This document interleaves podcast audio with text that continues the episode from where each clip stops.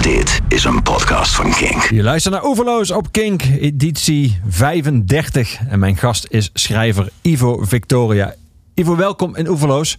Dankjewel. Alles is oké, zo heet jouw nieuwe roman die vorige week verscheen. En daar gaan we het uitgebreid over hebben.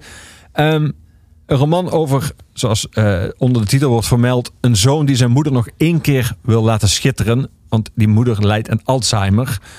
Uh, inmiddels heb je al enkele recensies ontvangen, die zijn unaniem zeer lovend. Waarbij het merkwaardige fenomeen zich voordoet dat er altijd eerst de aantekening wordt gemaakt dat het natuurlijk geen bijster origineel onderwerp is. Kennelijk is er. Ja. bestaat het idee van over Alzheimer, daar hadden we toch al een boek over gelezen. Ja, ja dat is inderdaad een heel raar fenomeen. Um, Alzheimer is een soort van subgenre geworden in de, in de literatuur in de voorbije jaren. Dat zegt ook wel iets natuurlijk uh, over uh, de, de, de, de mate waarin die ziekte momenteel aanwezig is in de samenleving. En, uh, ja. nog, en steeds aanweziger wordt en nog zal worden in de komende decennia, onvermijdelijkerwijs. Ja. Twee weken geleden was Alzheimer-dag. Er worden ja. allerlei activiteiten georganiseerd ja. om die ziekte onder de aandacht te brengen en bespreekbaar te maken, vooral ook. Um, wanneer, wanneer kwam die ziekte jouw leven binnen via je moeder?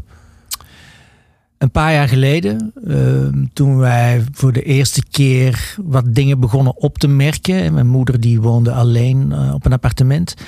En mijn vader is al 15 jaar geleden overleden. En um, mijn moeder was altijd een zeer strijdvaardige, uh, fiere dame. En nu was er plotseling een uh, lekkage in de badkamer. En de vloer moest worden opengebroken. Dat moest hersteld worden. En zij moest er een aantal zaken voor regelen. Ze moesten verzekering bellen. Ze moesten aannemer uh, bellen. Uh, de, de, de beheerder van het gebouw. En ze zeiden heel, elke keer als ik haar sprak, zei ze van ja, maar ik ga dat regelen en ik zal er eens een flink woordje van zeggen en ik ga dat zus en zo aanpakken. Je zult zien, manneke, dat komt allemaal in orde. Maar dat gebeurde maar niet. En dat duurde en dat duurde. En de ene keer had ze niet gebeld naar de verzekering. En de andere keer had de verzekering niet gebeld. En de volgende keer moest de verzekering vooral niet bellen, want dan zou ze eens een keer wat van zeggen. Enfin, het werd een heel warrig verhaal. En uiteindelijk nam mijn broer dat over, regelde alles, werd hersteld. En een week uh, nadat die badkamer hersteld was, uh, was mijn moeder alles vergeten over dat hele incident. Dat maanden had aangesleept en, en haar heel veel stress had bezorgd. Dus ineens was dat weg. En, uh, en we dachten van nou, dat is toch wel raar. En toen uh, begonnen ons andere dingen op te vallen. Ze ging, uh, mijn broer beheerde haar bankrekening en zag dat ze honderden euro's per maand pinde zonder dat wij wisten. Of, of, en, zonder dat zij ons kon vertellen waar ze dat dan uitgaf. ze sloot zichzelf buiten. Um, en ja, dat, dat, uiteindelijk werd die diagnose gesteld. Ja. En dat was, uh, ja, ik vond dat heel uh, lastig. Ik had ook. Uh, Weet je ook meteen, die term viel ook meteen Alzheimer. Weet je toen meteen wat dat dan allemaal betekende? Ja, ze doen dan testen. Uh, ze moeten dan testen invullen. En de eerste keer dat ze dat deed bij het ziekenhuis, toen was ze nog net, zat ze nog net aan de goede kant van de grens, zal ik maar zeggen. En een jaar later deed ze de test nog eens en toen zat ze aan de andere kant van de grens. Dus het is ook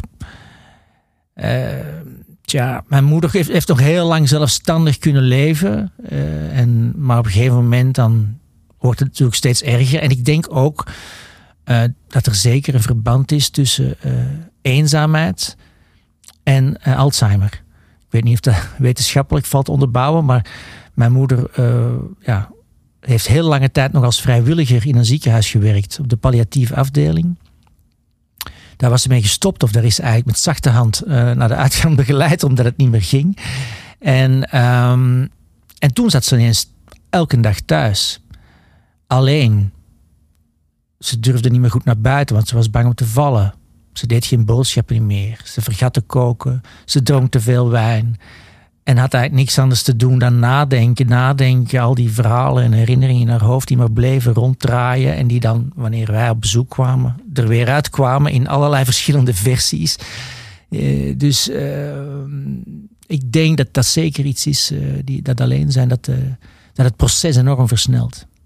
En of dat, dat dan medisch wordt gediagnosticeerd als zijnde Alzheimer of niet, ja, dat, daar zijn allerlei regels voor, maar eigenlijk uh, kun je het gewoon met, uh, met het blote oog uh, vaststellen. Ja, ja, ja. We gaan het er uitgebreid over hebben, over Alles is oké. Okay. Um, de roman. We gaan ook over muziek draaien. Heel veel muziek. naar jouw keuze. We gaan beginnen met Wilco uit 2002 van Yankee Hotel Foxtrot. Jesus, etc. Uh, laten we even met Wilco zelf beginnen. waarom Wilco? Welke plek neemt Wilco in jouw, uh, jouw leven in? Oh uh, ja, echt een van mijn allerfavorietste bands. Absoluut. Ik heb ze nog niet zo lang geleden ook nog gezien in Paradiso. Um, Zo'n band waar als, als ze spelen in Paradiso of in Melkweg, dan, dan ga ik kijken en dan neem ik nooit iemand mee. Want het gevaar bestaat dan dat degene die je meeneemt, dat beschouwt als een toestemming om te, ook tegen je te praten tijdens het concert. en dat wil ik niet bij Wilco. Ergst, ergst denkbare gezelschap. ja, ik wil volledig in het concert kunnen verdwijnen. is het dat of is het ehm, ook dat daarna natuurlijk als je iemand meeneemt die niet zo in een band zit als jij zelf, is dat ze daarna allemaal dingen zeggen of je denkt, ja, dat nou net precies niet wat je moest zeggen na dit op, of, of gaat het vooral tijdens het optreden? Ja, ja, dat is waar. Maar zelfs, ik zou, ik zou misschien zelfs niet zo snel een fan van Wilco meenemen wil gewoon alleen zijn. Ja. Je wil erin zwelgen eigenlijk. Ik wil erin zwelgen. Ik wil erin verdwijnen gewoon met mijn ogen dicht. Of, uh, en, uh, maar hoe komt dat? Ja. Um, ik denk uh, de melancholie die in hun, in hun muziek zit. het feit dat ze heel, altijd iets anders proberen. Iets ja. nieuws proberen. Elk album opnieuw weer. Um, en is in, in, al die in dat hele genre, of het hele, sorry, het hele oeuvre van hun is inmiddels, is, is dit dan van jij een van de hoogtepunten, die Yankee ja, Hotel Foxtrot? Denk het wel. En uh, ja, denk ik wel, ja. Zeker. En volg je ook alles wat hij solo doet, los van de band, Jeff Tweedy? Ja, ik heb niet alles volgens mij, wel een aantal dingen. Ja. Um, maar ik vind juist de manier waarop op Yankee Hotel Foxtrot dat genre van de alt country, poppy alt country, uh, eigenlijk helemaal, uh, volgens mij is de producer uh, Jimmy O'Rourke, als ik dat nu goed zeg uit, het hoofd, die, die daar helemaal heeft opengebroken. Er is ook een geweldige documentaire over deze plaat, want die werd eerst geweigerd door de platenmaatschappij, of werd geweigerd door de platenmaatschappij, is later ergens anders uitgekomen en werd een grootste succes. Dat is een fantastische plaat en je ziet ook hoe ze daar uh, in die documentaire zie je hoe ze die nummers uh, uit elkaar trekken en weer terug in elkaar zetten. En hoe die producer dat doet. En dat hele proces van zoeken naar hoe kunnen we met uh, oude middelen iets nieuws vertellen. Een nieuwe dynamiek krijgen in, in muziek. En dat is denk ik ook hoe je dingen moet maken als je kunstenaar bent. De nieuwsgierigheid die zij hebben als band Terwijl het ook geen jonge veulens meer zijn. Veulen, een geweldige term. uh, die nieuwsgierigheid, ja, die wil je als, als maker, die hoop je eigenlijk je hele carrière vast te houden. Ja. En het is niet zoveel gegeven. Nee, we gaan er naar luisteren. Jesus, etc. van Wilco.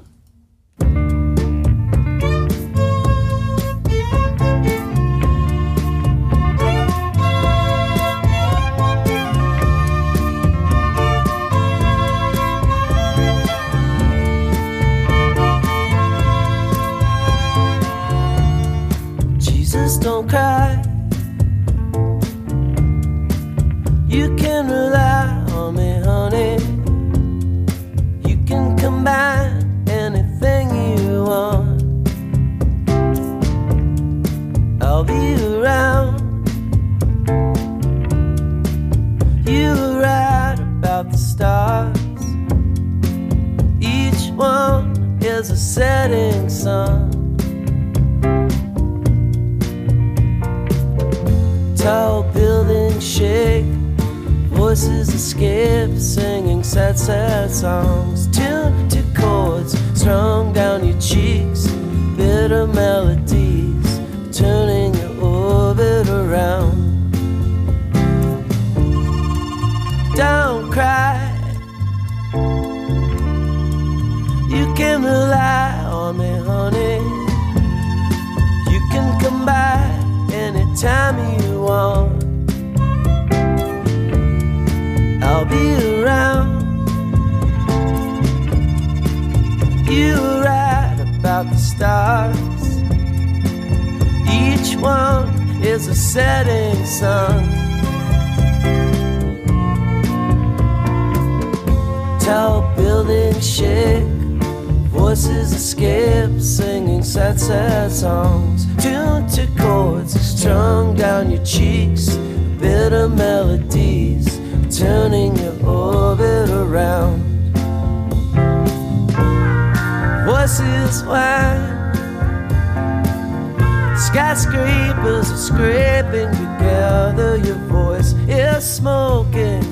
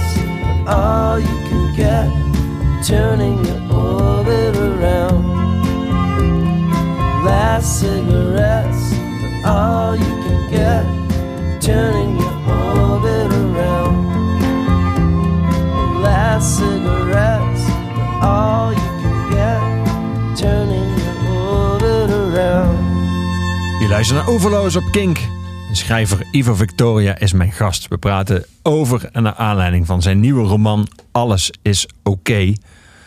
Eh, je vertelde net toen we het over eh, eh, Wilco hadden... dat dat album, een van jouw meest dierbare albums destijds... geweigerd was door de platenmaatschappij. Je hebt zelf ook jaren in de platenindustrie gewerkt.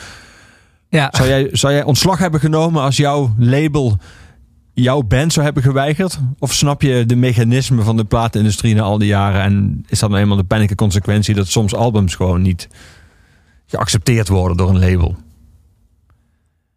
Ehm, ik heb zelf vier jaar eh, voor een plaatmaatschappij gewerkt. Play It Against en Pias. Ja.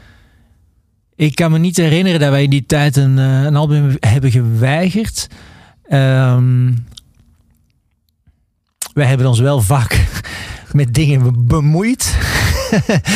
Eh, In welke fase dan? Vaak in de, in, de, in de fase van opname nog, of in de mixfase van een plaat. Hè. Dat er werd gezegd van er moet in geknipt worden in dit nummer. Of, Ehm, en ik ben heel blij eigenlijk dat ik daar niks meer mee te maken heb. Ik had het daar zelf ook wel af en toe moeilijk mee. Je voelde jezelf bezwaard als Bezwaard. jij namens het label langs ging om eens even te kijken of dat nummer niet te lang was. Ja, Of ja allemaal lekker toch liep wel. daar in Ja. de studio. ja, ik speelde zelf ook muziek in die tijd. En ehm, eh, de, ik, ben, ja, ik merk ook dat ik in, in, sinds ik niet meer in de muziekindustrie werk, dat ik op een heel andere manier eh, naar muziek, of eh, terug op een andere manier naar muziek kan luisteren. Ik hoef niks meer goed in zijn genre te vinden, bijvoorbeeld. Want dat zijn dan de discussies. Hè. Dan is er altijd wel een collega die zegt van ja, maar Guus Meeuwis, dat is eigenlijk heel goed in zijn genre. Ja, natuurlijk, dat zal wel. Maar ik vind dat gewoon slechte muziek. Eh, en, en ik hoef daar niet meer in mee te, te gaan, in zo'n redenering. Je kan nu gewoon zeggen dat zal wel, maar dat is mijn genre gewoon niet. Dat is gewoon mijn genre niet. Ja, eh, flikker op met dat genre. Eh, dus eh, dat is wel prettiger. Ja. En moest jij de hele tijd, moest jij de- al die jaren eh, moeite blijven doen om te horen of iets goed was in zijn genre of commerciële potentie had? Of, of sluipt dat op een gegeven moment ook gewoon bijna als vanzelf je manier van luisteren in? Wel, ik moet in alle onbescheidenheid toch zeggen dat ik daar best een goed oor voor had. Ik ben zelf eh, ik ben, ja, in hoogst eigen persoon verantwoordelijk voor eh, de hit Onderweg van Abel in Vlaanderen. Zonder mij was dat nummer nooit in Vlaanderen uitgebracht. Vlaam, Vlamingen zullen je dankbaar zijn. ja. Dus daar hoorde ik direct van, ah ja, dat was ook het enige nummer van Abel waarvan ik onmiddellijk zei tegen mijn Nederlandse collega's, dat, dat is een hit in, Ja, in het is een enorme hit geweest. Ja. Zelfs door, later door Anouk nog een soort een nieuwe versie mee. Ja, eh, en onlangs nog, eh, hoe heet die, Frenna? ja. Ja.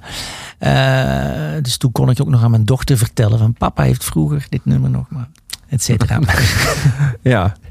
Maar goed, dus ik had daar wel een oor voor, ja, eh, wat dat kon werken en wat niet. En, en, eh, en ik heb nog steeds veel vrienden die in de muziekindustrie werken, dus we, hebben- we hebben het er nog wel eens over. Alleen ik voel dat, ik heb daar geen voeling meer mee. Ik ben nu zelf, en dat heeft lang geduurd voor ik dat durfde toe te geven, zal ik maar zeggen. Maar ik beschouw mezelf nu wel als kunstenaar, als schrijver. En ik, en ik wil gewoon helemaal geen compromissen doen in wat ik maak. Eh, en ik, Het natuurlijk ook anders in literatuur. Ik neem aan dat niet opeens halverwege jouw boek eh, de uitgever je werkkamer komt binnenlopen om eens te kijken wat je tot nu toe hebt getikt. Ah, eh, er is natuurlijk een redacteur die meeleest, die, die het werk in verschillende fases onder ogen krijgt. Maar is dat vergelijkbaar met jij die namens, het, namens de platenmaatschappij de studio inkwam? Of is dat toch heel anders? Omdat Dus, het op- je zou kunnen zeggen dat een redacteur bij een uitgeverij vergelijkbaar is met een A&R-manager bij een platenmaatschappij. Eh, met tien verstanden dat ehm, het wel minder, de inmenging minder ver gaat naar mijn idee. En, ehm, en dat de redacteuren waar ik mee gewerkt heb tot op heden, en zeker degene waar ik nu mee werk, Jasper Henderson bij Lebowski, eh dat de overweging nooit is. eh, het, als je het nu zo en zo aanpast, gaat het beter verkopen. nee, nee. Wordt niet gezegd, dit is geen commerciële zin. Ja, het, is, het gaat altijd over literatuur. Is dit nu goed? Is het spannend? Eh, eh, hoe gaan we dit nou? eh, Is Ja. dit de manier om het in elkaar te zetten? hè? En, en je krijgt dus ook te maken met iemand die er enorm veel verstand van heeft en die heel belezen is en die dat wat je aan het doen bent kan plaatsen binnen een context en een geschiedenis en een traditie van literatuur waar je misschien zelf nog niet eens van op de hoogte bent. En dat, vind, dat zijn altijd interessante gesprekken. Ja. Of je zou kunnen zeggen, als je heel slecht denkt, die Jasper Henderson kan het gewoon veel slimmer brengen dan een gemiddelde A&R-manager. Dat zou ook heel goed kunnen. Ja. maar op zichzelf eigenlijk, zoals je nu die die vergelijking zo trekt, zijn de mechanismen niet eens zo heel anders per se. Maar zit je in ieder geval nu zelf weer aan de andere kant. Namelijk de kant ja. van de maar, van de kunstenaar zelf. Ja, klopt. Ja. Ja. Ja. Ja. Je zegt, het het heeft even geduurd voor ik mezelf zo kan noemen. Maar je- met jouw debuut, dat was al een enorm succes. Dan ben je ook genomineerd voor de eh Li- Libros was toen volgens mij. Die is toen een paar keer van naam veranderd. eh, literatuurprijs. Eh, je, je bent een soort vliegende start bij je. De, de, de, de, letteren binnengedenderd. ja. Eh, desalniettemin heeft het dus een tijd geduurd voordat je zelf vond dat je jezelf schrijver kon noemen. Ja, ik was. eh, ik ben heel onverwacht eigenlijk eh, ge- gedebuteerd. Ik maar zeggen. Tenminste, ik wist wel dat ik een boek geschreven had, maar eh, dat- ging allemaal heel snel. Eh, mijn eerste korte verhaal dat ik schreef leidde onmiddellijk tot een eh, contract bij een uitgeverij. En een soort van maffe bidding war tussen zes, zeven uitgeverijen. En dus ik kreeg ook meteen een goed voorschot, waardoor ik tijd had om te schrijven. Eh, maar tegelijkertijd was ik helemaal niet zo belezen. Ik las niet zoveel in die tijd. Ehm, Moet dat? ah, kan helpen. Oké. Al was het maar om te weten. Of misschien achteraf bekeken, misschien was het wel een voordeel. Hè? Eh, want waar het uiteindelijk op neerkwam, was dat ik geen flauw idee had waar ik in feite mee bezig was. Ik ben daar ingevlogen in een soort van, ja, met een onbevangenheid, Ja. waar ik nog vaak naar terug verlang. Ja, en je kan had, nooit eh, meer ontlezen natuurlijk. Nee, en ik kan nooit meer een keer opnieuw debuteren. En je, ja, je bent je helemaal niet bewust van de lezer of van wat je te wachten staat als het boek uitkomt. Eh, dus ik vloog er gewoon in. Ik had enorm veel lol. Voor mij was schrijven een enorme ontdekking. Ehm, en, en, en, en, en ja, ik herinner me dat ik echt bijna, dat bijna een soort van fysieke sensatie was om vast te stellen dat dit zo bij mij paste om te doen eh, zo natuurlijk eh, was voor mij. Blijkbaar. Terwijl ik toch al vijf of 36 was toen. Dus, eh, en mij daar eigenlijk tot dan je, niet van bewust was. eindelijk wist je wat je later wilde worden. Ja, Je was er al ja, inmiddels. ja, echt. Ja, ja, het was echt een soort van eh, ter, ter bestemming aankomen. Ja, ja, ja. En, ehm, en dan ging het ook meteen goed. Het boek kwam uit en liep als een trein. En ehm, ja, ik weet al niet meer wat je vraag was eigenlijk. Maar Eh, zo, eh, zo begon het. En dat komt nooit meer terug. Eh, nu is het schrijven wel anders geworden voor mij. Maar. Ah ja, dat, dat was de vraag. Eh, dus dat, dat het lang geduurd heeft voordat ik mezelf kunstenaar durfde Ja. te noemen. Hoeveel boeken Kijk, dat toen duurde? in die tijd zei ik eigenlijk, als ik mijn boek zag liggen in de winkel, dan zei ik van, "Ha, lijkt wel een echt boek. Ik bleef dat altijd maar relativeren. Ik vond het eigenlijk ook wel een goede grap dat het allemaal zo gelopen was. Pas later, toen ik eh, met mijn tweede boek eh, werd genomineerd voor de Libris Literatuurprijs en, en mijn, met mijn derde boek nog een keer. En toen, toen dacht ik ineens van, oh ja, eh, dit wordt ernstig genomen door mensen. Misschien moet ik het zelf ook ernstiger Ja. gaan nemen. Misschien moet ik nu ook gewoon accepteren en stoppen met mezelf te relativeren. Ja, je iro- Eh, ironiseerde een beetje weg in het begin of zo. Zeker, ja. ja. Ja, en nu ben je gewoon, als je nu je belastingformulier krijgt en je moet bij beroep Ja, dat dan lijntje staat, er, invullen, staat er gewoon schrijver. ja, dan staat er gewoon schrijver, ja. Ja.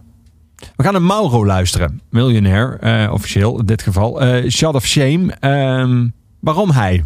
Jij als eh, Vlaming, is het een oude Vlaamse liefde?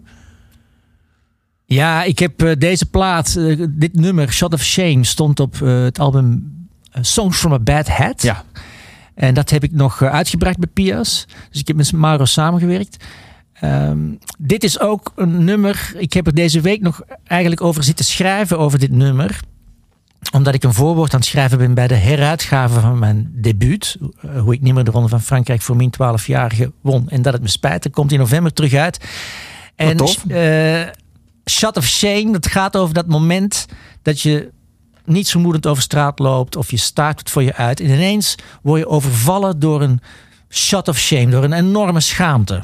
En, je, en, en eigenlijk, shot of shame komt nog voordat je beseft waardoor je je schaamt. En, en, en mijn eerste boek is eigenlijk uit zo'n shot of shame ontstaan. een herinnering die me overviel, waardoor ik me, waarvoor ik me enorm schaamde. En, en van daaruit, vanuit die schaamte, ben ik gaan schrijven. En ook, ja, alles is oké. alles is oké, speelt schaamte ook een, eh, Ja, een zeker. grote rol. Ja, gaan we het daar ook over hebben. We gaan eerst luisteren naar Mauro.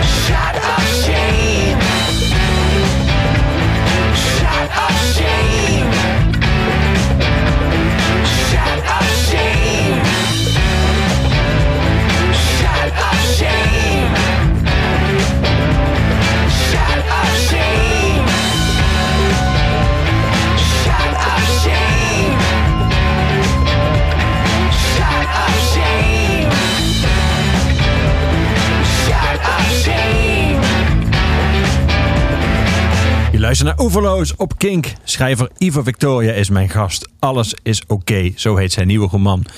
Je had het net over schaamte. eh, Dat schaamte eh, een belangrijke rol speelt. Dat misschien wel zelfs een drijfveer was voor jouw debuutroman. Eh, schaamte die ook in het nummer van Mauro het onderwerp is. En je zei toen, schaamte speelt ook een belangrijke rol in Alles is oké.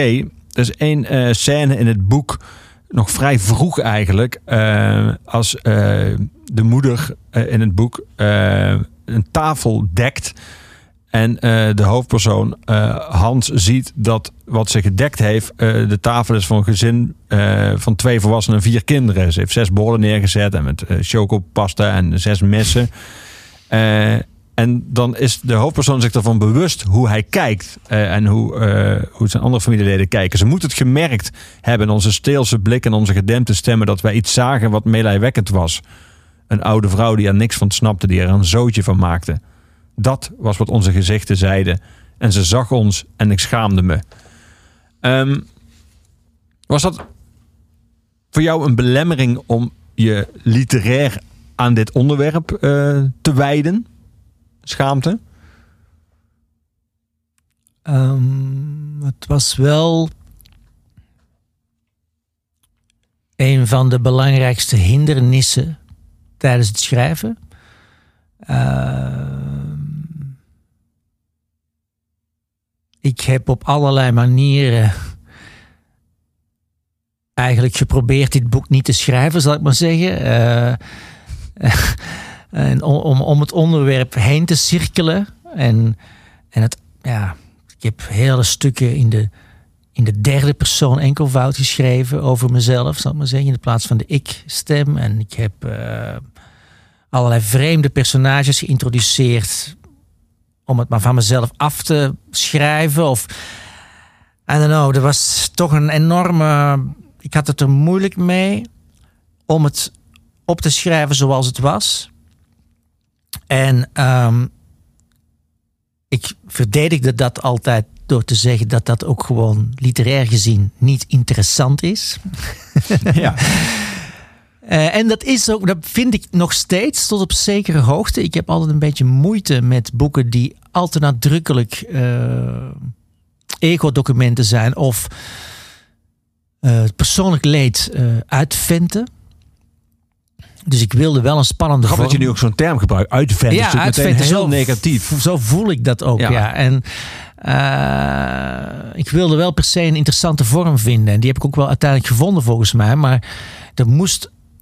Uiteindelijk was het niet te vermijden dat er ook een ik vertellen dat ik in dat boek zou voorkomen. En dat het ook over mij zou gaan. En dat ik bepaalde dingen zou moeten eh, onder ogen zien en, en, en, en moeten benoemen. Ja. Ja. Voor wat ze waren. Ja. Ja. Zonder trucjes. Ja. Want die schaamte, eh, die, die schaamte geldt in die passage die ik zojuist, eh, waar ik zojuist citeerde voor die hoofdpersoon, dat hij zich van bewust van is dat zijn moeder eigenlijk via hem ziet wat haar situatie is. Mhm.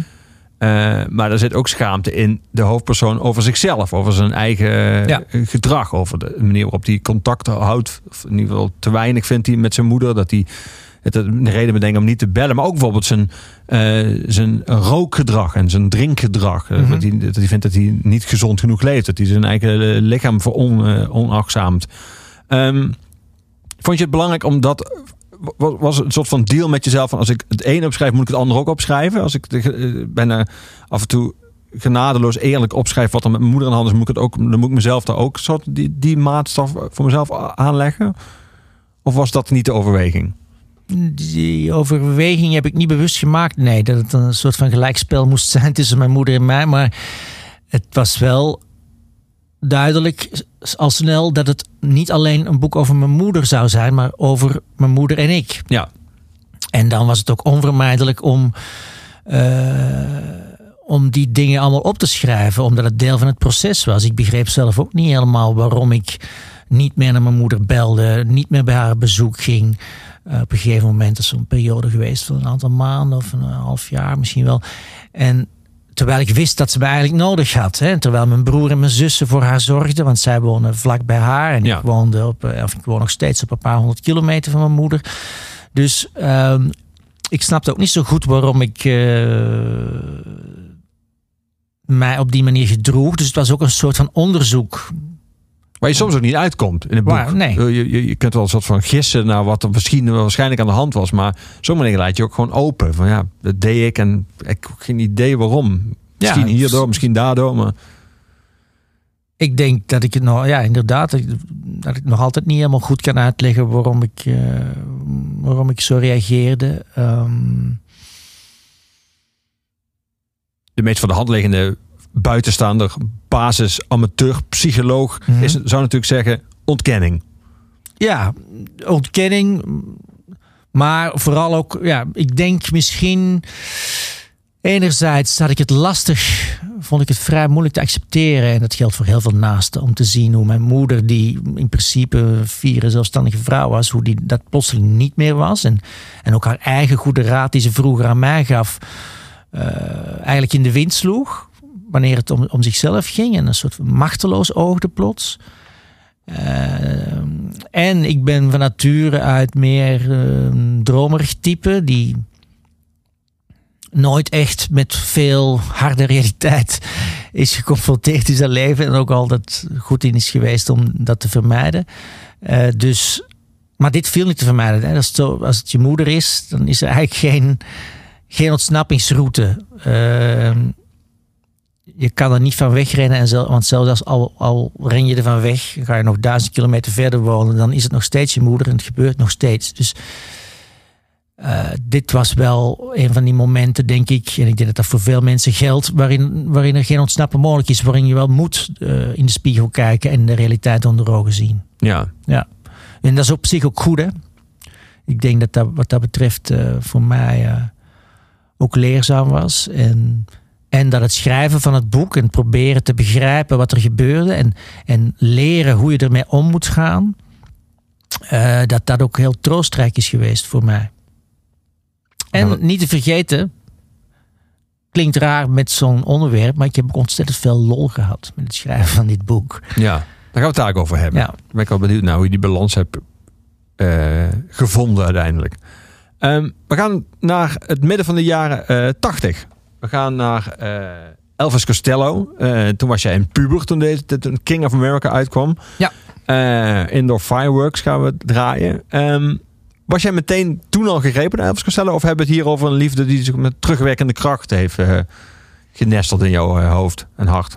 Ik had eigenlijk dat jaar Costello pas ontdekt via de platenkast van mijn broer. En daar had ik het album Oliver's Army eh, uitgehaald. En- broer is ouder dan, neem ik aan, of niet? ja, die is acht jaar ouder dan ik. Ja. En ehm, Oliver's Army is een hele toegankelijke popplaat. Eh, en ik was daar meteen helemaal weg van. Het was, eh, ja, ik vond het fantastisch. En, en toen kwam King of America uit. En ik dacht, op basis van Oliver's Army, dat zal vast weer zo'n lekkere popplaat zijn. Want ik kende Costello verder niet. Dus ik ging eh, met mijn zuurverdiende zakgeld naar de winkel en ik kocht King of America, wat een hele. eh wat eigenlijk een soort van eh, singer-songwriter alt-country plaat is, geproduceerd door T-Bone Burnett. Eh Super mooi, akoestisch ge- gebaseerd. Maar voor mij toen een shock. Ja. Want ik zette die de term- plaat op. en de term goed in zijn genre kende je toen nog niet. Nee. En ik dacht echt van shit. En dat heeft Kon je daar ruilen bij die platenzaak of niet? Nee, maar achteraf is dat super belangrijk geweest voor de manier waarop ik naar muziek luister en naar kunst in het algemeen kijk. Omdat natuurlijk, eh, je- kent eh, het fenomeen heet volgens mij cognitieve dissonantie. Ik ging niet zomaar toegeven dat ik 600 Belgische franken voor niets had gespendeerd. Dus ik bleef die plaat spelen. Ik dacht, ik moet mij vergist hebben. En langzaam begon die plaat zijn geheime prijs te geven aan mij. En, en nu is het nog steeds, dat is nog steeds mijn top 10 aller tijden wat mij betreft. Foutloos plaat, prachtig. En ehm, eh, dus, maar dat, dat, zo, ben ik, zo heb ik eigenlijk leer- geleerd om naar muziek te luisteren op een andere manier. En naar kunst te kijken of boeken te lezen op een andere manier. En Het is eigenlijk een kwestie, als je het zo beschrijft, van eh, vrij hardhandig, namelijk door herhaling je verwachtingen wegschrapen. Want je had andere verwachtingen. ik had andere verwachtingen, inderdaad. En door, door herhaling of door er toch in te duiken en jezelf dus open te, te stellen, en je te dwingen nieuwsgierig te zijn, te kijken van ja, wat, wat heb ik hier dan eh, gemist? Of hoe, hoe, wat, wat is de waarde van wat hier eh, aan mij. eh, Ja. dan die nieuwsgierigheid en die open, openheid van geest, die is zo belangrijk wanneer je een boek leest of Ja. wanneer je naar een tentoonstelling gaat of wanneer je een plaat opzet. Ehm, Zo interessant. Dan- is, het, is, het, is het openheid van geest of is het ook door je had dat geld, je zuur verdiende drie- Ja. 600 frank. Dus eigenlijk was de conclusie, hoe dan ook, ik moet deze plaat uiteindelijk goed Ja. gaan vinden. Dus eh, Maar dat had natuurlijk ook niet gekund. Hè? Ik bedoel, ik, ben ook, ik heb ook wel eens boeken gelezen die, die zelfs met al mijn openheid van geest nog steeds slecht vinden. Hè? Maar, dus, eh, dus er is een verschil. ja, Ehm, tot op dat moment, tot op dat moment was ik iemand die de top 30 opnam met een cassettebandje. En, en dus eh, vooral commerciële muziek luisterde, hitmuziek, die lekker eh, van de eerste keer binnenkwam. Eh, daarna ben ik nieuwsgieriger geworden en ben ik gaan begrijpen dat er soms ook muziek werd gemaakt waar er meer in te ontdekken viel, die kon groeien, eh luisterbeurt naar luisterbeurt, waarin lagen zaten, waarin de teksten van belang waren, et cetera, et cetera. En ja, King of America is eigenlijk de sleutel tot die schatkist geweest voor mij. En, Ja. eh, Daarna heeft hij natuurlijk nog eh, aardig wat, eh dat we zeggen, genre en stilistische wijzigingen doorgevoerd in zijn ja. repertoire. Ben je er elke keer eh, zo eh, welwillend mee omgegaan? Of heeft ook Elvis Costello zich wel eens buiten jouw paden begeven? hij heeft volgens mij eens een keer een plaat gemaakt met een operazangeres. Dat heb ik aan mij voorbij laten gaan. Ehm, maar ja, ik denk, we hadden het er net ook al over bij Wilco. Ik denk dat nieuwsgierigheid en experiment en zoeken en iedere keer weer naar nieuwe manieren kijken om iets te vertellen, dat dat mij zeer aantrekt in, Ja. eh, in muziek, eh, muzikanten, artiesten in het algemeen. Ja. Ja. Is er iemand die je live ook altijd gaat zien als die speelt?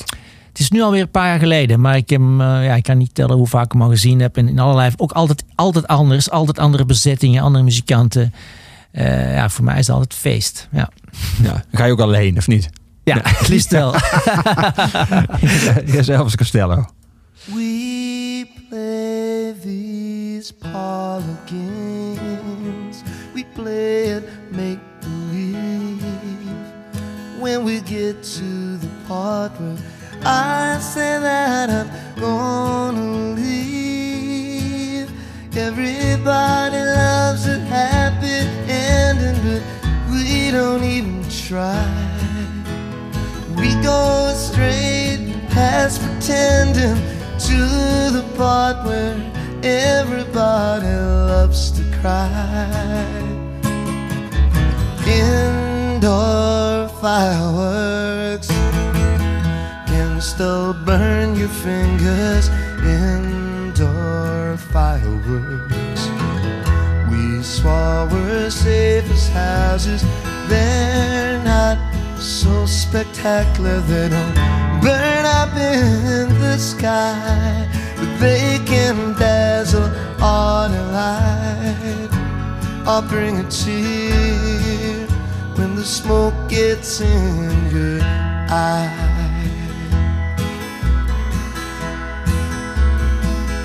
You were the spice of life, the gin in my vermouth. Though the sparks would fly, thought our love was fireproof. Sometimes we'd fight in public, darling, with very little cause. But different kinds of sparks would fly when we got on our own behind closed doors. Indoor fireworks can still burn your fingers. Indoor fireworks. We swore we're safe as houses. They're not so spectacular. They don't burn up in the sky. They can dazzle all the light. I'll bring a tear when the smoke gets in your eye.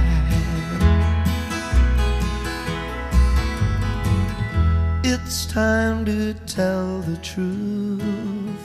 These things have to be faced. My fuse is burning out, and all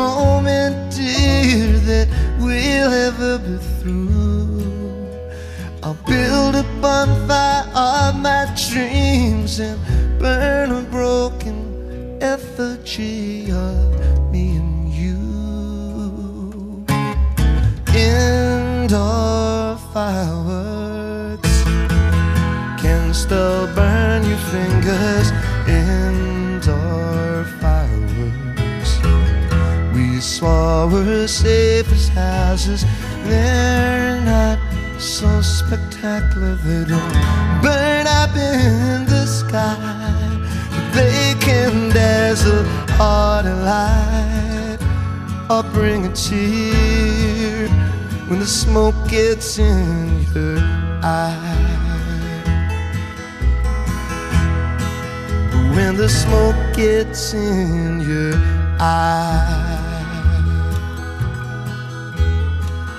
When the smoke gets in your. Je luistert naar Oeverloos op Kink. En mijn gast vandaag in editie 35 is schrijver Ivo Victoria. Alles is oké, zo heet zijn nieuwe, onlangs, zeer onlangs, verschenen roman. Ehm, je zei, ik wilde niet dat het alleen maar een eh, verdrietig boek eh, zou worden. Ehm, zit in, even schrijf je, er is weinig verdrietiger dan een oude vrouw die alleen aan een tafel zit in een schaars verlichte woonkamer. Haar wenkbrauwen in een lichte frons, haar ogen samengeknepen, haar neus rood dooraderd, centimeters boven de krant van gisteren zwevend. Ehm, de situatie van de moeder in het boek is natuurlijk schrijnend. Vooral omdat je hem ook afzet tegen de vrouw die zij vroeger was. Een, zeer sterke persoonlijkheid. eh, die op, haar, eh, op de school waar ze werkzaam is met de directeur. Een strijd aangaat die ze ook nou, ik zeggen, grondig uitvoert. En grondig eh, ook afmaakt. Ehm, eh, dus dat, dat verschil is, is, is groot tussen de moeder zoals je die in het boek van het middenstuk naar boven brengt zoals zij was, het karakter dat zij had. En, en, en de vrouw die, die, de, die de hoofdpersoon, de, de, de zoon nu aantreft. Daar had, natuurlijk, daar had natuurlijk alleen maar verdriet uit kunnen komen. Eh, maar je hebt er niet voor gekozen om het alleen maar zwaar te maken. Nee, Eh, nee. Was het eh, lastig om dat, om, daar een soort, om, dan, om dat tegen te kleuren, dat verdriet? Nee, ehm, ik wilde.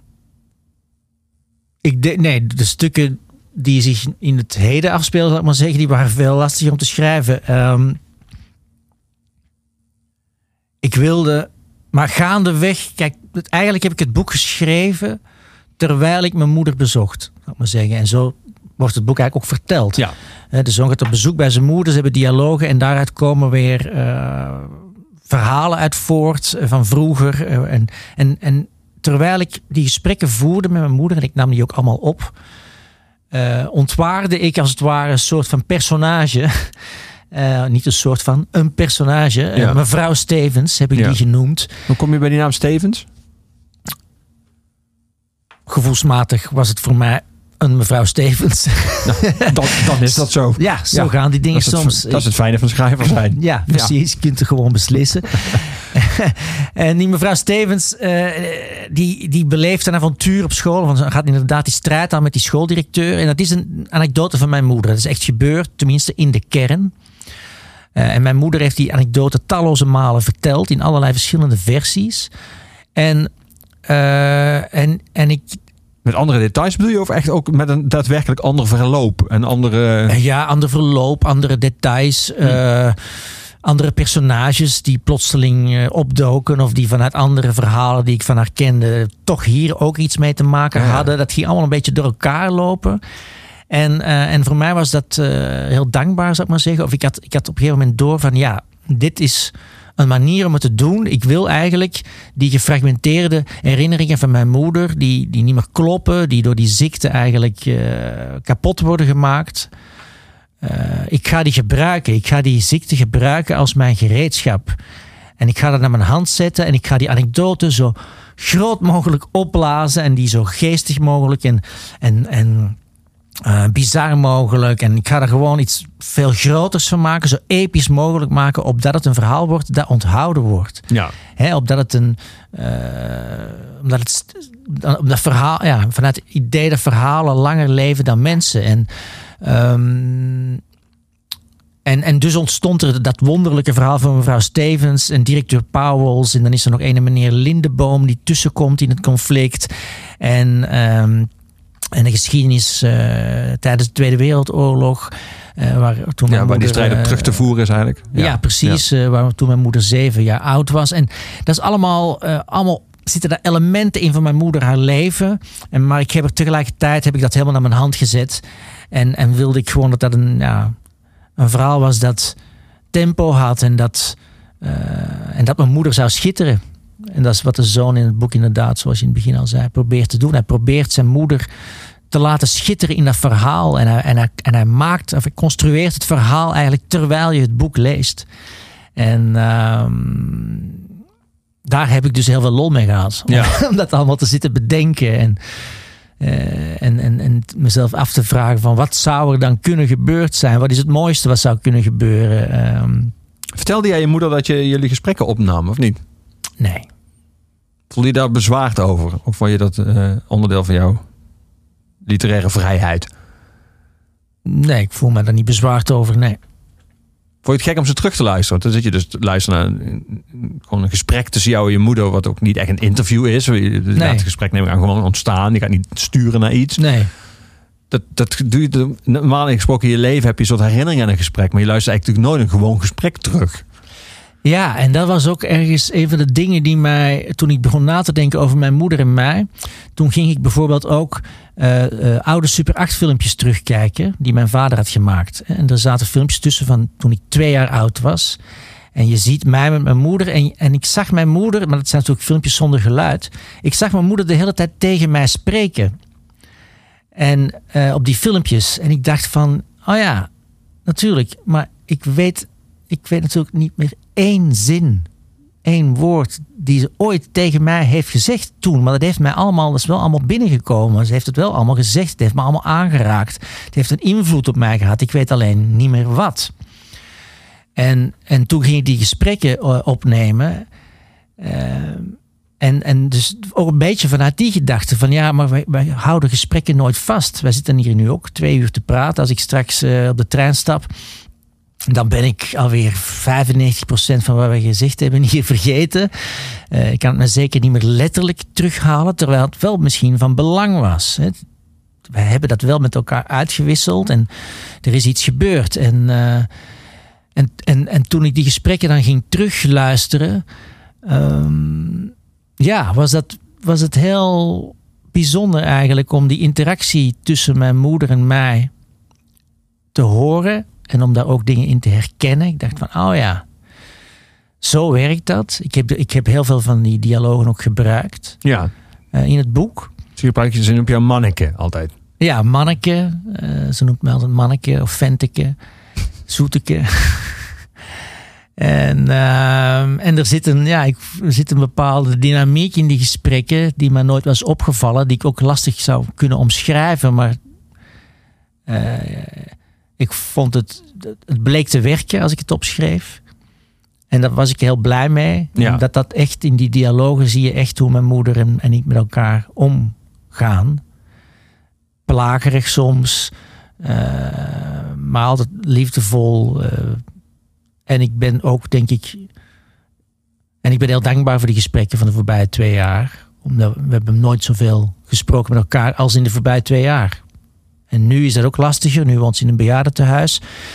Eh je kunt nog altijd goed in het moment met haar praten. Alleen de verhalen zijn weg, zal ik maar zeggen. Dus er, gaat, er valt steeds meer weg.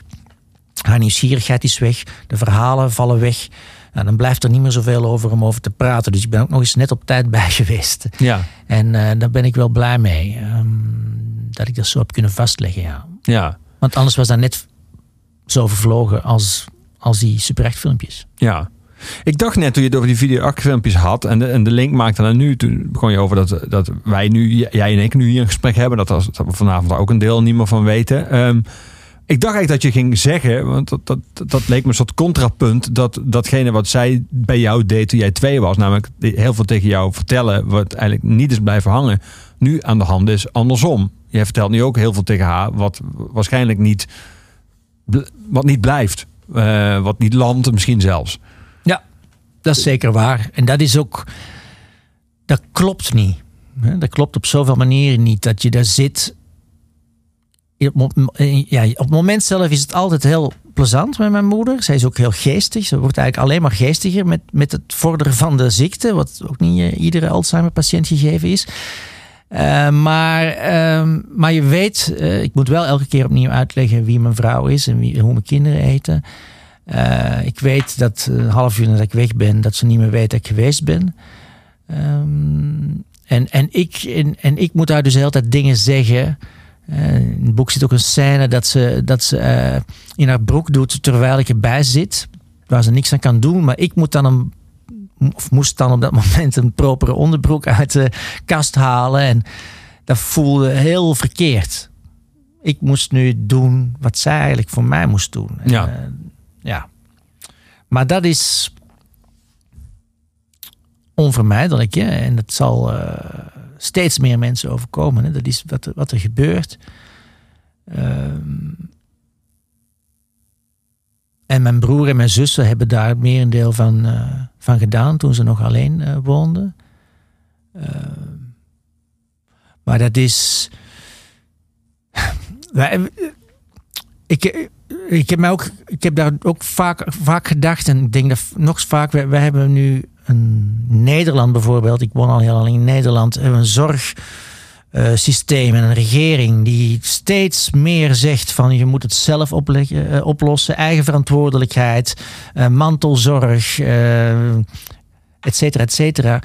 Ja, ik kan je verzekeren, er wordt een enorm drama. Dat is zo belastend.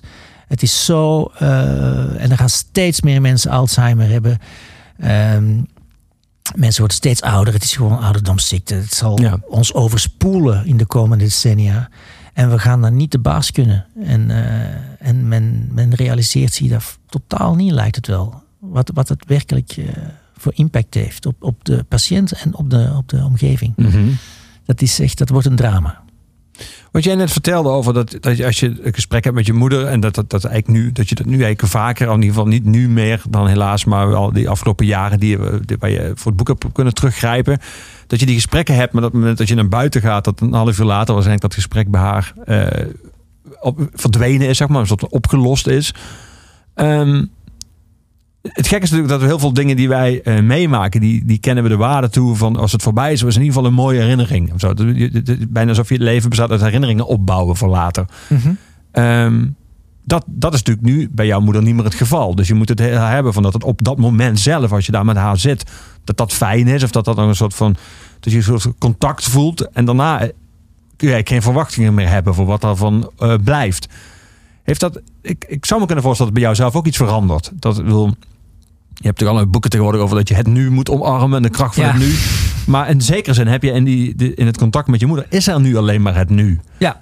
Eh, Ja, ik heb geen mindfulness meer nodig voor dat. ik, eh, als, ik- hoef alleen maar mijn moeder eh, even te bellen. Nee, dat, ja.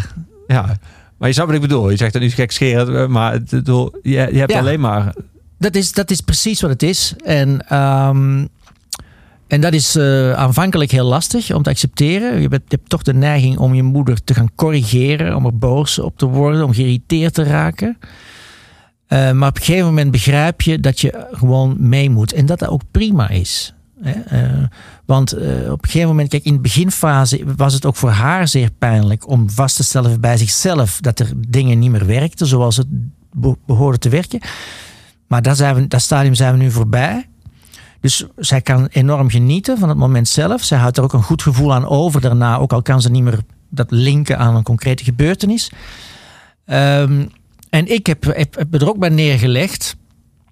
En, en, en ik weet dat, dat dat het enige is wat ik kan doen eigenlijk. Erin meegaan.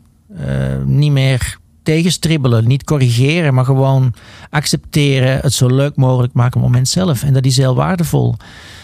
Ehm, ja. Ja. Laten we muziek draaien. Laten we naar eh, Alina Tonra. Eerst was het een solo, zij, maar dat is, eigenlijk is het gewoon een vaste formatie eh, geworden. Daughter, het nummer Youth. Waarom, waarom deze? Ehm, dat Daughter is voor een van de bands eh, van in meer recentere datum die, die, die echt tot mijn favorieten is gaan behoren. Eh, ook al een keer live gezien in Paradiso. Dit is een nummer, ehm, het was een doorbraaksingle eigenlijk, eh, Youth. En eh, ja, gaat heel erg over de momenten, de verbazing die je voelt. Wanneer je op iets terugkijkt en denkt ineens van, hè, wat is hier eigenlijk gebeurd? Hoe is dit kunnen gebeuren? Hoe ben ik plotseling op deze plek aanbeland? En ik denk, ja, dat is wel een thema dat heel vaak in mijn werk terugkomt. En wat dus ongetwijfeld ook in mijn karakter zit. Ehm, Je bent eh, gewoon helemaal geen reflectief persoon. Alles overvalt jou en denk je, wat ja, ben, ben ik ben ik nu ja, een schrijver? Huh? Ja. ja, is wel waar, ja. En dan gaat het ook in dit boek over. Ik denk dat dat voor heel veel mensen geldt. Hè. Dat beslissingen, we, we denken vaak wel dat we de zaak in de hand hebben en dat we een beslissing nemen.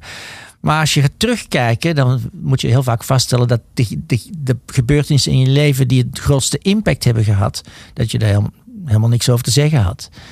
Eh, ik ben ook naar Amsterdam verhuisd zonder daar eigenlijk over na te denken. Maar achteraf bekeken, het was een heel impulsieve beslissing. Ik ben gewoon meegegaan wat er gebeurde. Ik leerde mijn vrouw kennen. En ja, een jaar later, jaar later woonde ik in Amsterdam. Ik kan me de beslissing niet eens herinneren. Maar zonder Amsterdam was ik nooit schrijver geweest. Nee. Hadden wij hier niet gezeten. En dus ja, eh, af en toe kijk ik inderdaad met lichte verbazing terug. We gaan naar luisteren. Youth van Daughter.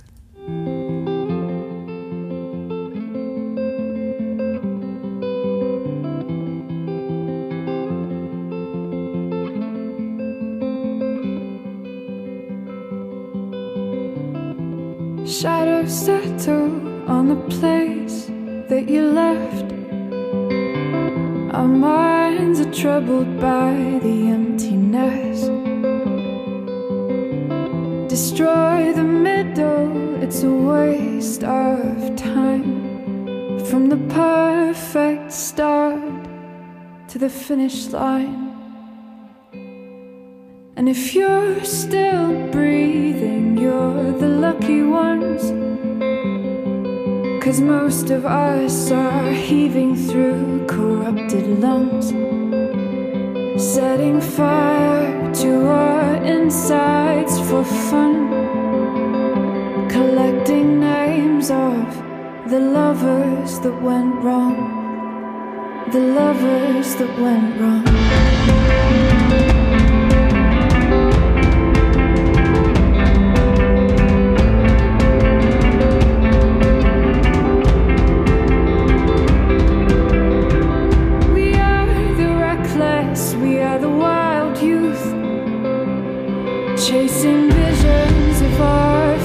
Futures.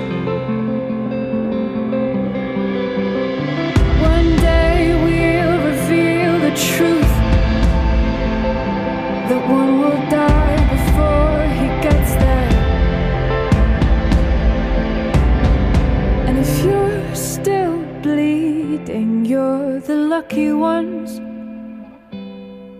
Cause most of our feelings, they are dead and they are gone. We're setting fire to our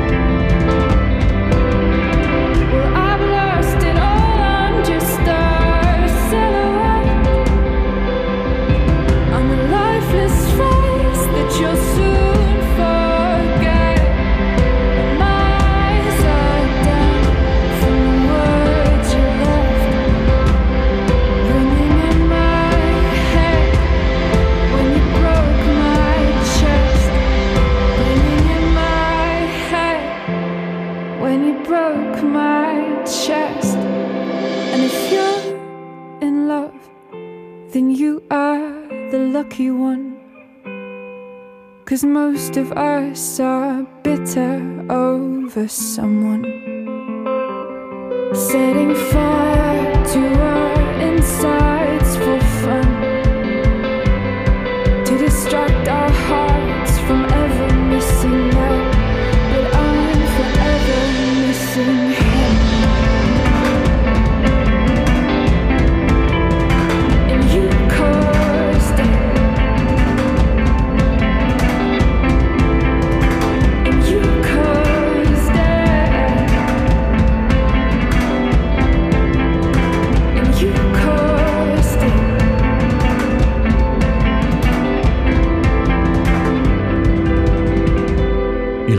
op Kink. Ivo Victoria is mijn gast. We gaan, eh, als jij dat goed vindt, dadelijk eh, luisteren naar een passage uit, eh, uit je nieuwe roman. Ik zou het mooi vinden als je er een stuk aan zou willen voordragen. En daarna gaan we luisteren naar een muziekstuk wat regelmatig terugkomt in de roman. Ja. Dit is klassieke muziek, dat is niet de muziek die we op Kink heel vaak draaien. Dus lijkt me goed als je het even kan inleiden wat het belang is van dit stuk voor, nou, in ieder geval voor, voor het boek. En voor het verhaal en voor je moeder waarschijnlijk ook. Ja, nee, het gaat om een eh, sonate van Haydn, eh, nummer 53 in E mineur. En dan met name het derde deel daarvan. Eh, dat heet het motto Vivace. Dat is een vrolijk, uptempo stuk. En ehm, dat, mijn moeder kon heel goed piano spelen. En ehm, in Wat een pianovinger schrijf je in het boek. ja, precies. En ehm, wellicht eh, ja, was zij wel goed genoeg geweest ook om naar het conservatorium te gaan. Alleen dat, eh, dat mocht natuurlijk niet in die tijd eh, van haar ouders. En ik heb het idee, of misschien is het met name de verteller in het boek die er hoopt dat zijn moeder zo goed was. En die eigenlijk die droom als een soort van alternatief leven laat terugkeren in het boek. En, en die sonate van Haydn, die staat en stond eh, altijd de laatste paar jaar eh, open eh, op de piano bij mijn moeder thuis. En ook nu in het bejaardentehuis waar ze woont, eh, staat het nog steeds die partituur open op die sonate aan de piano. En, eh, en dan soms vraag ik aan mijn moeder van speelt je het soms nog? En dan zegt ze altijd van ja, ja, ja, ja, manneke. Maar eh, ik denk niet dat dat nog het geval is. Maar het is een soort van ja, ro- rode lijn door het boek heen. Ja. Ik, ik, ik blijf altijd hopen dat ze toch nog gaat spelen of speelt tussendoor. Ja, en zo is het eigenlijk een soort van themanummer Ja. van dit boek geworden. Ja. Heeft zij de eigen piano meegenomen naar het piano? Of staat daar gewoon een piano voor algemeen gebruik? Of? Nee, nee, we hebben de piano eh mee verhuisd. Ja, dat vond ik wel heel belangrijk, omdat dat eh, eh, iets was, ja, een van de weinige dingen die ze nog kon. En misschien, eh, sp- ik heb wel gehoord dat ze soms nog speelt in, in bejaardentehuis. Ik weet niet hoe- goed dat dat nog is. Dus, er waren alleszins klachten gekomen van andere bewoners, dus dat is mooi. Eh, maar ja, ze kan niet meer lezen, daar kan ze de concentratie niet meer voor opbrengen. Ehm, en piano spelen, dat heeft ze nog het langst eh, gedaan, alleszins. Eh, dus ik vond dat wel belangrijk dat die piano meeging. Ja, ja. We gaan er dadelijk naar luisteren, maar eerst ga je een stuk voordragen uit het boek. En dat is eigenlijk meteen het begin van het boek. Het moment dat... eh, Ja. Ja, voor in het boek. Ik zeg, ik heb lasagne meegebracht. Ah, kunt je dat opwarmen in een pan? In een pan? Nee, in de oven. Nee, manneke, de oven is kapot. Kapot? Vorige keer deed hij het nog. Nee, manneke, niet doen. Ik vertrouw die oven niet. Moederke, laat mij maar toe. Ik weet hoe de oven werkt. Ah, jij weet dat. Ja? Allee, dat is knap. Niets in haar appartement werkt nog. De oven is kapot. Het koffiezetapparaat valt niet te vertrouwen. De douche doet raar. Het warme water heeft kuren. De vriezer zette vorige week uit zichzelf de hele berging onder water. Om maar te zwijgen van de afstandsbediening van de televisie, die werkelijk waar eens goed moet worden nagekeken door zo iemand die, ja, hoe zal ze het zeggen, echt alles van televisies en dat soort dingen afweet. Niet door mij. Desalniettemin warm ik de lasagne op. Daarna dekken we de tafel. Terwijl ik de borden neerzet, hoor ik haar rommelen in de keuken. Ze praat tegen zichzelf. Ze zegt: Alleen moeder, wat heb je nog? En dan die kou, non de chol. Ze duwt met kracht het open raam dicht. Ik kom erbij staan. Op het formica-tafeltje waaraan ze eet wanneer ze alleen is, leunt een aanzichtkaart tegen een half lege fles witte wijn. Van die Bergerac, die eigenlijk wel lekker is in verhouding tot de prijs. Gisteren zag ze hem weer in de aanbieding met de Shop Go. Dus ja, dan kan ze dat niet laten staan. Ze wijst naar de aanzichtkaart. Een foto van een zwart jongetje in de armen van zijn moeder. Jij. jij zijn mijn vriend. Ah ja. Moederke, wat zijt je aan het doen? Langzaam draait ze om haar as, met samengeknepen ogen. Ze zegt: Moeder, wat heb je hier nog? Nee, niet veel, kindje, nee. Dat is hier weer armoei staat bij. Moederke, wat zoekt je? Een servet. Een servet. Ja? Waar heb ik die servetten nu liggen? Zijt je dat vergeten? Manneke, je vergeet veel. Ja, hè? Stilte. Jij zegt nu veel. Ik moet eerlijk zijn tegen mijn moeder. Ze lacht. Ja, vergeet ik zoveel? Ja. Akkoord, maar ik onthoud ook nog veel andere dingen. Je onthoudt ook weer veel andere dingen. Dat is waar. Misschien dingen waarvan jullie denken, dat moest ze nu beter niet meer weten. Ze lacht.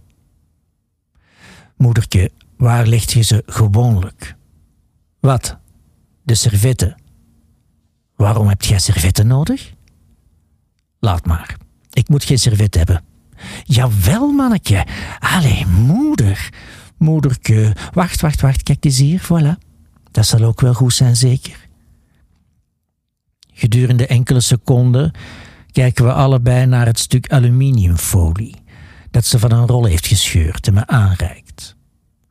Ze kijkt op, kijkt om zich heen alsof ze verwacht dat de woorden die ze nodig heeft om dit uit te leggen dadelijk in de ruimte zullen verschijnen. Ze zijn gewoon wat laat, dat is alles. En ik aarzel, zowaar. Ik overweeg om hierin mee te gaan. Ik zie het als een vrij reële optie om dat stuk aluminiumfolie opgevouwen naast mijn bord te leggen en er desnoods ook mijn mond mee af te vegen. In plaats daarvan neem ik de rol uit haar handen en leg hem in de ovenlade, waarin ook twee katoenen servetten blijken te liggen. We eten. We vegen onze monden af met de servetten. Het voelt als een nederlaag.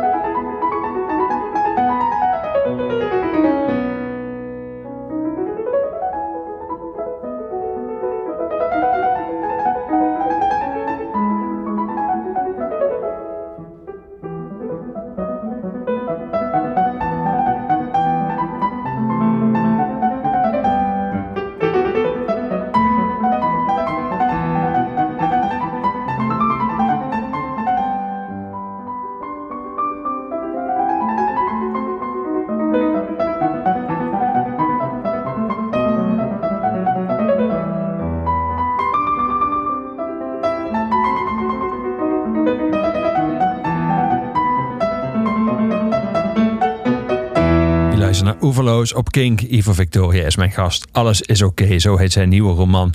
Maak je zelf nog muziek? Af en toe, ja. Ook nog ook wel weer een tijd geleden, maar ik ben sinds een halfjaartje eh terug begonnen eigenlijk. Ik heb weer wat spulletjes gekocht eh, en ik heb op mijn, op mijn schrijfkantoor ook nu een klein eh, home studiootje. Ja. En Wat, wat, wat maak je daar? Ik probeer één avond in de week weer wat liedjes te schrijven, zoals ik vroeger deed eigenlijk. Zonder dat ik er verder enige plannen mee heb. Eh, maar ik, ja, ik had er weer zin in. En het is natuurlijk een heel andere manier van schrijven. Ehm, en ik heb ook wel het idee dat ik na dit boek, ik heb vijf romans geschreven op tien jaar tijd. Dat is best veel. En eh, ik zou graag. eh, Ja, Herman Brusselman zou je nu uitlachen, maar de meeste Zeker, mensen moeten ja. erkennen dat is heel veel. Ja. en ik merk dat ik er aan toe ben om, om weer wat andere dingen te doen. Eh, ik schrijf ook aan een filmscenario momenteel van mijn vorige boek met een eh, Vlaamse cineaste, Eva Kools. En ik merk dat bijvoorbeeld die samenwerking, dat er mij enorm veel eh, energie geeft om samen te schrijven. Ja, maar dat is natuurlijk, bedoel, toen jij in, eh, in de platenbis werkte, daar werk je wel samen. hè. Ja. Een nou manager heb je een team. Schrijver is natuurlijk een, een ongelooflijk solistische bezigheid. Ja, vind ik ook heerlijk hoor. Maar ehm, het is wel op een gegeven moment, de voorbij, het voorbije jaar, twee jaar, begon ik af en toe te denken van nou, even af en toe eh, andere mensen spreken is toch ook wel leuk.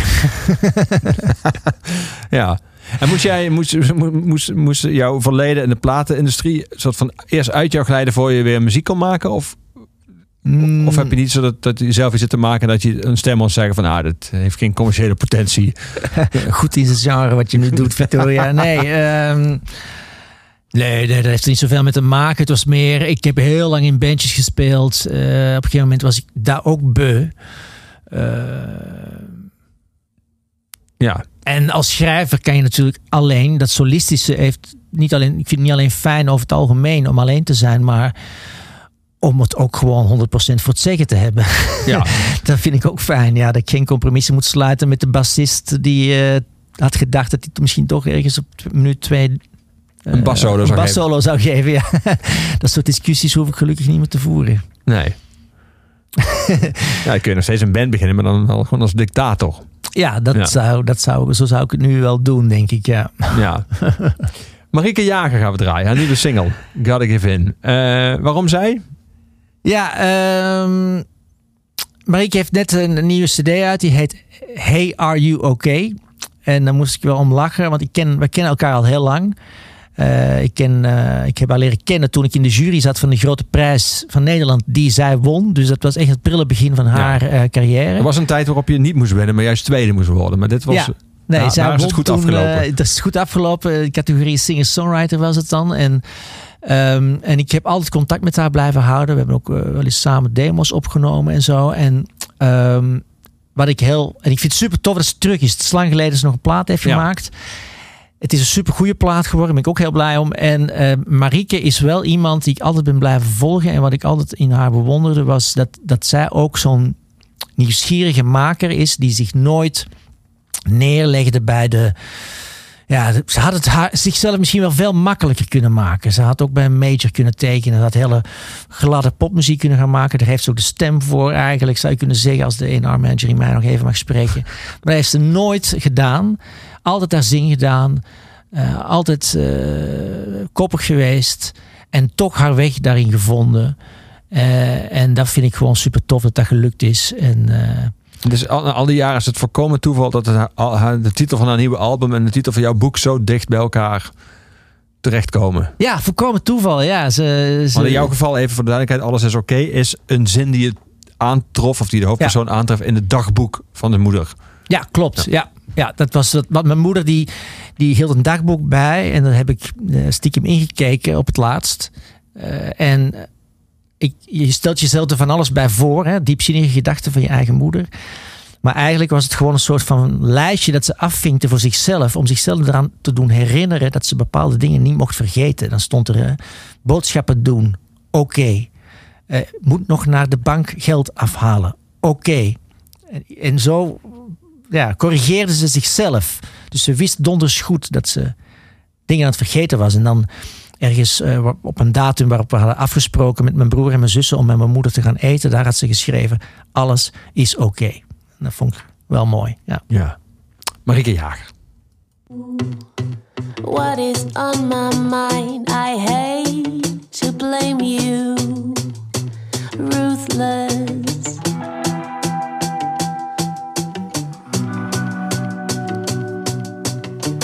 Afraid to listen.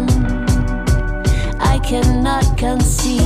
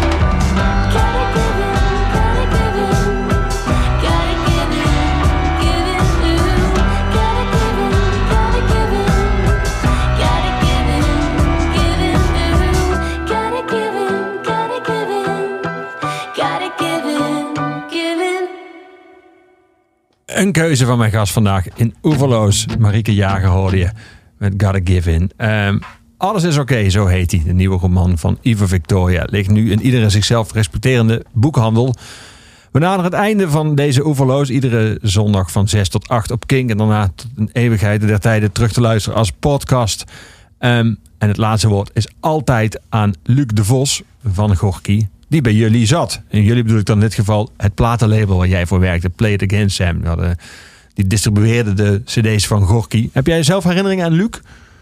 Ja, ehm, we kwamen elkaar wel af en toe tegen in de wandelgangen. En eh, ja, ik denk, ik geloof, een, ik heb hem de laatste keer gesproken een week voordat hij eh, overleed. Eh, toen eh, traden we samen op in een, in een café in Leuven. Hij als schrijver of als muzikant toen? hij was al- als muzikant daar en ik droeg een stukje voor. En toen hebben we nog even staan praten. Ja. Dan heb je, hebt- heel weinig mensen hebben hem die laatste weken nog gezien. Dus dat Ja. is echt laat. Ja. Ja, ja, ja, ik, ik weet niet precies, maar het was kort daarvoor, ja, absoluut. Ja. Ja. Dus eh, ja, Jij woonde vroeger in Vlaanderen. Heb jij, eh, ben jij opgegroeid, zou je dat kunnen zeggen, met de muziek van Gorky? Of stond dat verder van jou af? Nee, eh, want in die tijd speelde ik zelf ook al in, in bandjes. En, en die generatie van Gorky, Noordkaap, De mens. De Mens.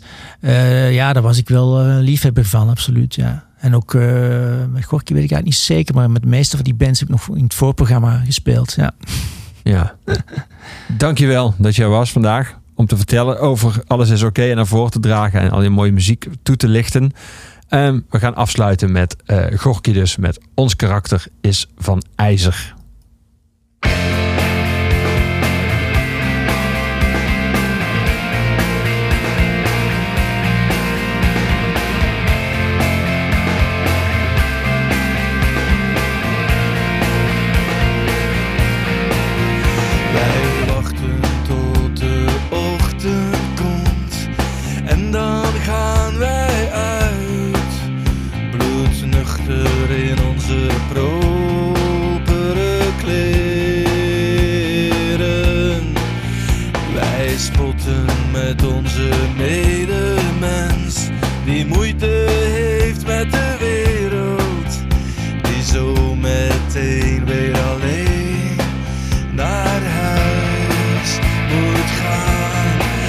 Karakter is van ijzer, onze wil die is van staal. Wij kwamen van ver en nu zijn